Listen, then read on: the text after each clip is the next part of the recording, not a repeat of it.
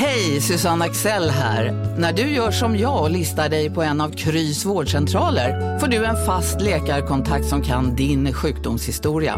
Du får träffa erfarna specialister, tillgång till lättakuten och så kan du chatta med vårdpersonalen.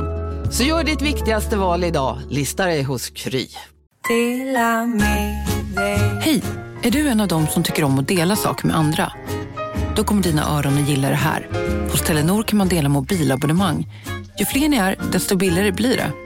Skaffa Telenor familj med upp till sju extra användare. Välkommen till någon av Telenors butiker eller telenor.se.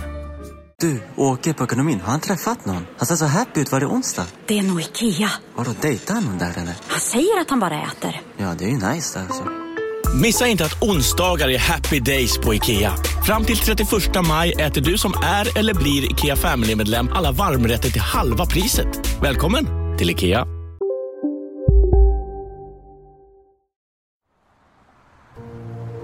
Tack och lov så blev det inte så att vi var tvungna att spärra av E4. Men det var ju en tanke vi hade om man skulle försöka lyfta det från E4 med någon slags höglyftkran. Då. Kriminaltekniker Jonas Sundelin står bland grävmaskiner och bärgningspersonal.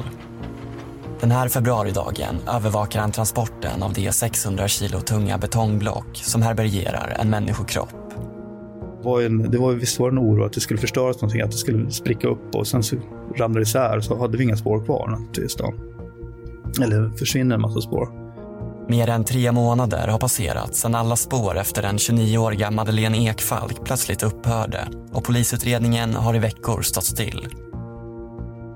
Nu har man något konkret att arbeta med och betongen bäras försiktigt ut via Stockholmsvägen. Det ska till en hangar i Norrtälje där kriminalteknikern Jonas Sundelin och hans kollegor i lugn och ro ska undersöka betongen.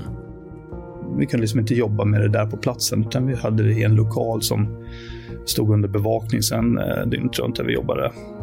Naturligtvis så är vi ju extremt glada att, vi, att hon anträffades eh, för anhörigas skull. Så att åtminstone ha en grav att gå till. Och sen naturligtvis under utredningen så ville vi ha svar på vad som hade hänt.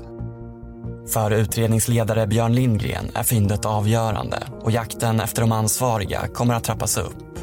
Nu handlar det inte längre om en försvunnen person utan om ett misstänkt mord. Nu har vi kommit ett steg vidare.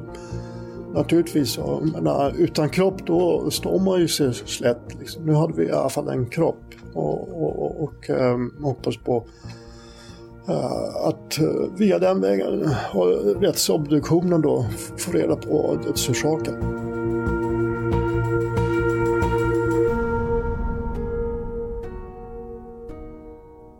Du lyssnar på en mörk historia och jag heter Karl Fridsjö. Ingjuten i betong, del 2.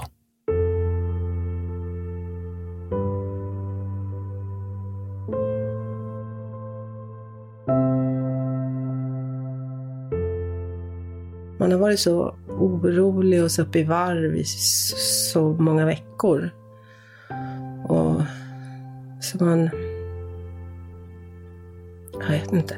Det blir kaos i hjärnan på något sätt.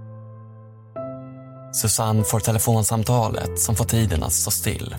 Polisen har hittat en kvinna ingjuten i betong. Ett stenkast från platsen där hennes dotter Madeleine sågs för sista gången en tidig morgon tre månader tidigare. Det, är som ett slags... Jag vet inte, man befinner sig i någon töcken, moln. Man känner inte, man känner ingenting. Det är liksom det bara står still. Kroppen har ännu inte kunnat identifieras, men Susanne förstår direkt. Nej, jag förstod direkt. Och samtidigt så, så tyckte jag att det var väldigt konstigt och förbannade mig själv lite för att varför jag, jag som har varit där ute så många gånger och gått och letat och inte hittat något. Och jag kan inte förstå varför. Jag, jag tycker det var jättekonstigt. Även Madeleines bror Marcus nås av nyheten, men vägrar tro att det är sant. För det var liksom ett stenkast från bussen. Mm. Så på något sätt där så visste man, men man ville ändå inte acceptera det för det var inte satt med något namn. Så på något konstigt sätt så, så gick man en vecka med att nej men det, det är inte det jag sett. Dagar senare sitter han med två poliser hemma hos sin mor. De berättar att man identifierat den ingjutna kvinnan i betongblocket. Det är hans stora syster. Ja, man, man förstod inte det de sa när de sa att det var det liksom. Eh, ja, eftersom att, alltså när, att nära anhöriga och sånt där går bort på något sätt, det hinner man ju förbereda sig på på ett eller annat sätt och det är liksom livets gång. Men när det vart ens egen syster på något sätt så var det som, det var så overkligt och det är det fortfarande idag. Och det kommer alltid vara det tror jag. Eh, så det var, nej, det var, man, det var svårt att acceptera när man satt där. Det var som att, nej, men nu får ni fortsätta jobba istället. Liksom. Så det, var, det var svårt att acceptera och det, det är det fortfarande. Så att det, det är overkligt på något sätt. Och det kommer nog alltid vara, tror jag. Ja, man måste vara en ganska sjuk människa för att göra en sån sak. Det är ett ganska stort jobb. För familjen, som i månader levt i ovisshet, ger dödsbudet inga svar. Tvärtom väcker omständigheterna många frågor. Vem och varför? Det startade istället en jobbig period med, med eh, hela förundersökningen och vem och varför och hur och, och så vidare och så vidare. Jag fick ett telefonsamtal från en av teknikerna som sa att man hade hittat kroppen i det område som vi hade sökt. Och jag trodde inte på honom. Jag trodde han hade skämtat med mig, men tyckte att det här var inte speciellt roligt. Hundförarna Lars-Göran Eriksson och Mats Thomasson nås även de av nyheten. Man har hittat kvarlevor på precis den plats som de genomsökt tillsammans med sina fyra hundar tre månader tidigare. Men han sa att jag var tvungen att komma upp till den här platsen igen för att eh, skulle jag få se hur det såg ut, vart och när de hade hittat det här. Och när jag kom upp dit så, ja, då föll bitarna på plats om jag säger så. Och då ringer jag då köraren då, som du är ledig tror jag, och berättar det här. Och du trodde inte på mig heller. Nej, jag trodde inte på honom. Det är någon som vill skämta igen här. Jag tänkte, vi kan inte ha missat, vi kan aldrig ha missat en kropp där med hundarna. Men sen förklarar, sen förklarar ju Mats att det faktiskt låg ett i blocket. Det är först i efterhand som de förstår att hundarna markerat betongblocket. Där och då, i skogsdungen, så letade de efter en försvunnen person. En kropp. De hade inte den mentala inställningen att det kunde röra sig om ett mord eller att kroppen kunde ligga gömd eller maskerad. Nu, var det, nu ska vi gå ut och rasta i princip för att hitta det här området. Kom nu, nu går vi. Det var den inställningen som det blev på det här fallet. Och jag förstår att hundarna måste ha tyckt att vi var dumma i huvudet, för de markerar ju väldigt, här är det ju någonting. Vi vill vara kvar här. Alltså, vi, vi gick ju det här området med fyra hundar. Det var ju för att re- rekognosera hur det ser ut. Sen så, sen så beslutade vi att vi behöver inte söka det med en hund. Hade vi gått dit med en hund bara och sökt området så tror jag Mats, då hade vi nog kanske fått träff på det redan då. Men vi ansåg att nej, vi behöver inte gå här, för vi ser ju här. Det var så tätt mellan granarna så vi hade ju sett en kropp. Och området var ganska litet, så här 50 gånger 50 meter kanske. Så därför så sökte vi inte av det med en hund med den uppgiften. Utan vi blev lurade. Med facit i hand så resulterade inte deras insatser i några framsteg för utredningen. Men däremot tar de båda med sig viktiga lärdomar om att inte gå ut i ett sök med förutfattade meningar. Men jag kommer vara väldigt observant på vad min hund gör och inte gör i fortsättningen. Den saken är helt klar. Men det brukar vi vara. Vi brukar ju vara det, så ändå så, så känns det som att den här gången gick det åt helvete.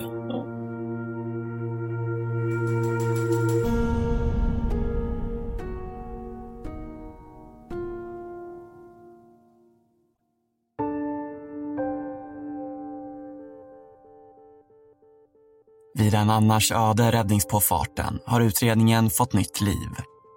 Bland blåljus och gula tejpslingor arbetar Jonas Sundelin och kriminalteknikerna för fullt. Bara ett stenkast från den plats där Daniel, enligt egen uppgift, vinkade av Madeleine till bussen den där morgonen.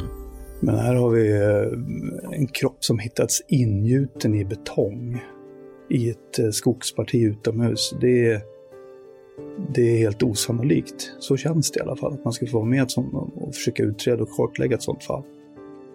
En av de första saker han reagerar på är några veka granar som tycks växa framför betongsarkofagen. Eh, Vars ända var tillspetsade just för att kunna lättare få ner med marken. Och det är också en sån här signal direkt att det här är någonting som någon har gjort för att dölja. I och med att det har varit en öppning mellan träden på det här stället och sen sätter man ner dem här för att man inte ska se det så speciellt bra. Då. Det var direkt den känslan jag fick att det här är någon som aktivt har gjort någonting för att dölja betongblocket.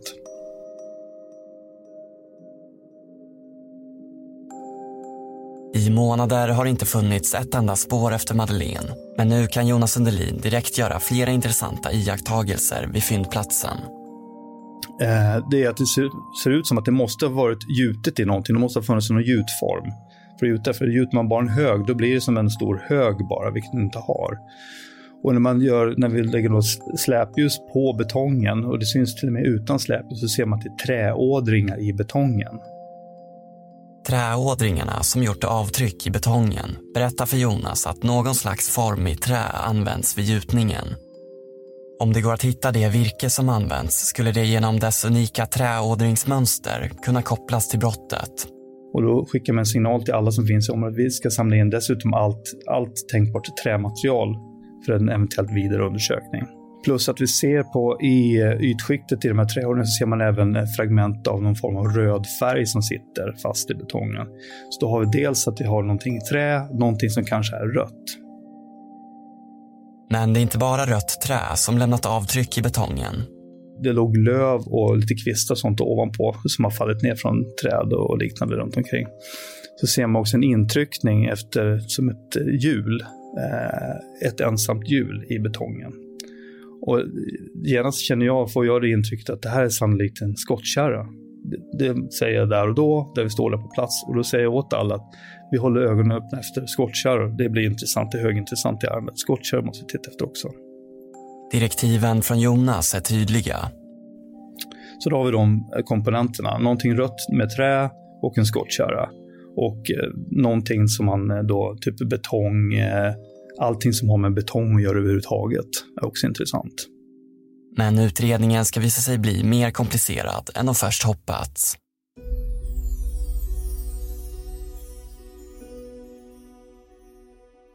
De hade ju, bodde ihop och eh, de blev intressanta. Så de, vi hade inte riktigt koll på dem då. Fyndet får utredarnas blickar att än en gång riktas mot Daniel och hans sambo Lisa. De har förhörts i utredningen. Bara på Storytel. En natt i maj 1973 blir en kvinna brutalt mördad på en mörk gångväg. Lyssna på första delen i min nya ljudserie. Hennes sista steg av mig, Denise Rubberg. Inspirerad av verkliga händelser. Bara på Storytel. Om en så vidde på väg till dig för att du råkar ljuga från kollega om att du också hade en och innan du visste ordet av du hem kollegan på middag och... Då finns det flera smarta sätt att beställa hem din sous på. Som till våra paketboxar till exempel. Hälsningar Postnord. Ni har väl inte missat att alla takeaway förpackningar ni slänger på rätt ställe ger fina deals i McDonalds app. Även om skräpet kommer från andra snabbmatsrestauranger. Exempelvis... Åh, oh, sorry. Kom, kom åt något här. Exempelvis... Förlåt, det är något skit här. Andra snabbmatsrestauranger som... Vi, vi provar en talning till. La, la, la, la, la. La, la, la, la. men förnekat att de vet något om vad som hänt. Men redan samma dag som fyndet görs sker en förändring i Daniels beteendemönster. Han var på jobbet den här, eh, den här dagen då hon anträffas, den 8 februari. Och sen, eh, alltså, eftersom vi har pratat med arbetsgivaren så fick vi reda på att eh, han skulle åka hem på lunch och sen komma tillbaka. Men han kom aldrig tillbaka. Han hörde aldrig av sig och det gick inte att nå honom på telefon. Björn Lindgren misstänker att Daniel, på väg hem för att äta lunch hos sambon, kan ha kört förbi teknikernas brottsplats. När han åkte hem så, så var jag det precis i närheten av där husbussen var uppställd och det var ju liksom avspärrat och det var tekniker på plats. Och, så då förstod jag att eh, då har de upptäckt Madeleine.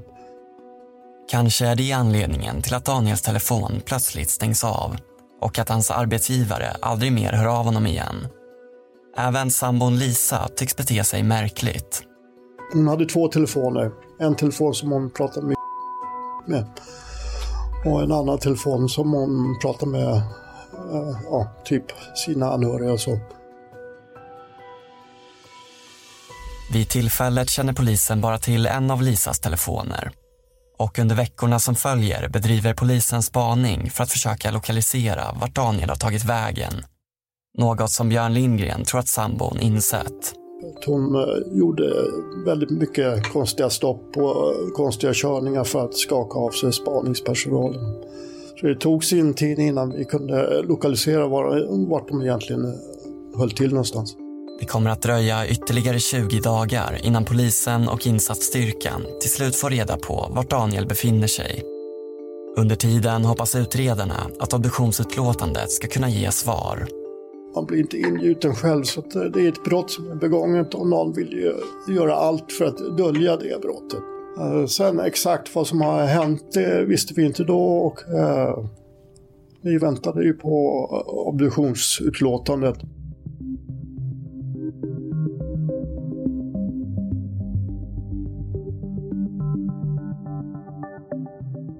Ja, känslan var att det är något som inte stämmer. Också familjen har gått i tankar om att Daniel kanske vet mer än vad han gett sken av. I efterhand minns de i synnerhet ett möte som Susanne tillkallat som en del av hennes efterforskningar i vad som kan ha hänt dottern. Jag vet inte. Och få träffa dem och se hur de reagerade, vad de svarade på frågor. I princip. När Daniel dyker upp hemma hos Susanne har han med sin vän som också känner Madeleine. Det var ju han som svarade på saker och ting. Han kände ju också Madeleine. har vi fått veta lite mer efterhand. Runt köksbordet börjar familjen ställa sina frågor. Men samtalet, lett av vännen, tycks hela tiden landa i expojkvännen. Hela deras samtal handlade egentligen om vad, att han var skyldig till det här. Daniel själv framstår inte så hjälpsam och intresserad som han gjort tidigare i sms och meddelanden till familjen och Madeleines vänner. Men jag kommer ihåg att han satt nerborrad i telefonen Han satt och tittade i telefonen hela tiden. under hela det här mötet. Beteendet av att bry sig och vara hjälpsam är inte heller något som Susanne känner igen sedan tidigare. Eh, Madeleine fick ju eh, endokardit 2014. Eh, Förmodligen på grund av någon smutsig nål eller något sår som hon har fått in någonting i. Och där låg hon i åtta veckor. Inte en enda gång var han och hälsade på henne. Eh, Så min tanke var ju där bara, varför bryr du dig så mycket? Liksom, Nu. det är jättekonstigt, ja. Det är väldigt Mm. konstigt. Ja, men det var ett obehagligt möte tycker jag. Ja. Mm. Det möt- Hela mötet avslutades, måste jag få säga, med att, att kramar min pappa Mm. och säger hör av dig om jag kan göra någonting. Det, var, det- det kommer jag ihåg. Det var det sista som, som skedde innan de gick.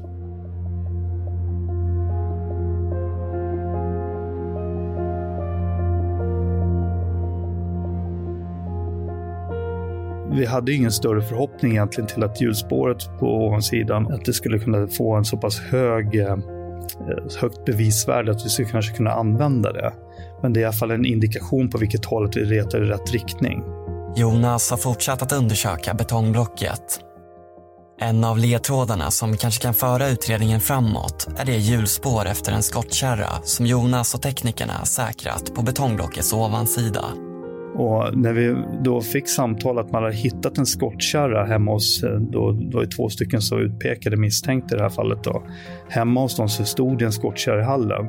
Då, det blev ju högintressant. Huset tillhör Daniels sambo. Det ligger bara några hundra meter från räddningspåfarten där husbussen tidigare stod parkerad och Madeleines kropp hittades. Jonas tar sig snabbt till platsen. Vi säkrar skottkärran med att bara i princip fotografera den och sen så täcker vi den med eh, rent papper så att vi ska skydda den så vi kan ta in den till polisstationen sen för eh, vidare undersökningar hos oss eller på NFC.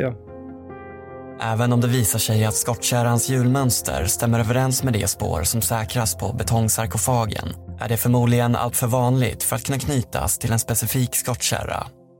Det kommer därför inte ha något större bevisvärde. Men det finns annat som lämnat spår på betongsarkofagen som kanske kan leda polisen till den eller de som utfört gjutningsarbetet. Och väl på plats instruerar Jonas kollegorna vad de ska titta efter. Håll utkik efter klippverktyg, eh, därför att vi har då armeringsjärn i betongen som är klippt. Håll utkik efter vissa textilier, handdukar och liknande som vi har hittat spår i betongen också efter handdukar. Så vi ska försöka hitta liknande handdukar. Finns det något sånt? Eh, och, och så får de hjälpa till att leta efter vilket de gör. När husrannsakan är färdig har polisen bland annat säkrat två klippverktyg som låg slängda i en plastbalja på husets veranda. Men i sista sekund ska de också göra andra avgörande fynd. Precis innan vi ska åka därifrån, eh, hoppar in i vår undersökningsbuss, så säger jag till min kollega, vänta lite, vad är det där? Säger jag åt honom. Jonas har redan satt sig i bilen på väg att lämna huset när han reagerar på något i ögonvrån. Två rödmålade odlingslådor i trä som ligger i rabatten vid en av husets kortsidor. Det här måste vi titta på. Så vi kliver ut, går tillbaka och tittar. Och så hittar vi då de här odlingslagarna med det är betongrester på insidan, det är betongrinningar på utsidan på dem. Och de ser ganska nyligen ditlagda ut. Dessutom så har de blivit delade och kapade med någon form av sågverktyg på ena kortänden.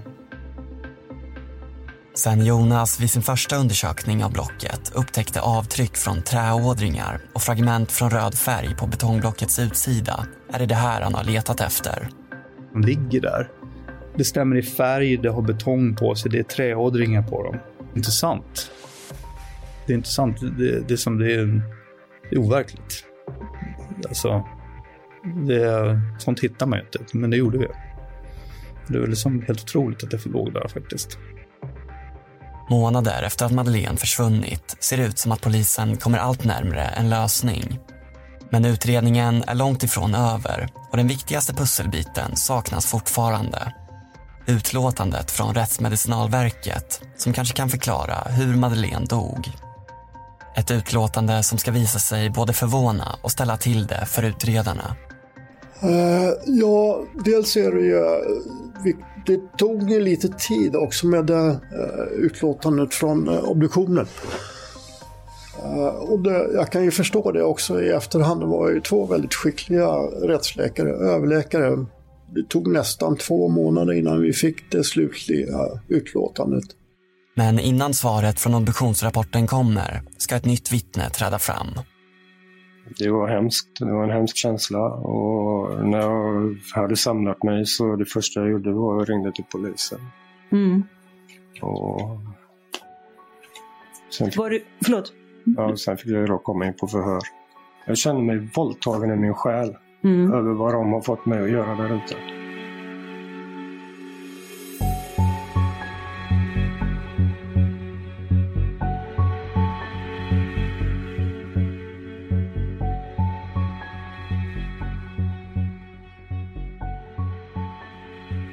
Har lyssnat på del två av En mörk historia, ingjuten i betong.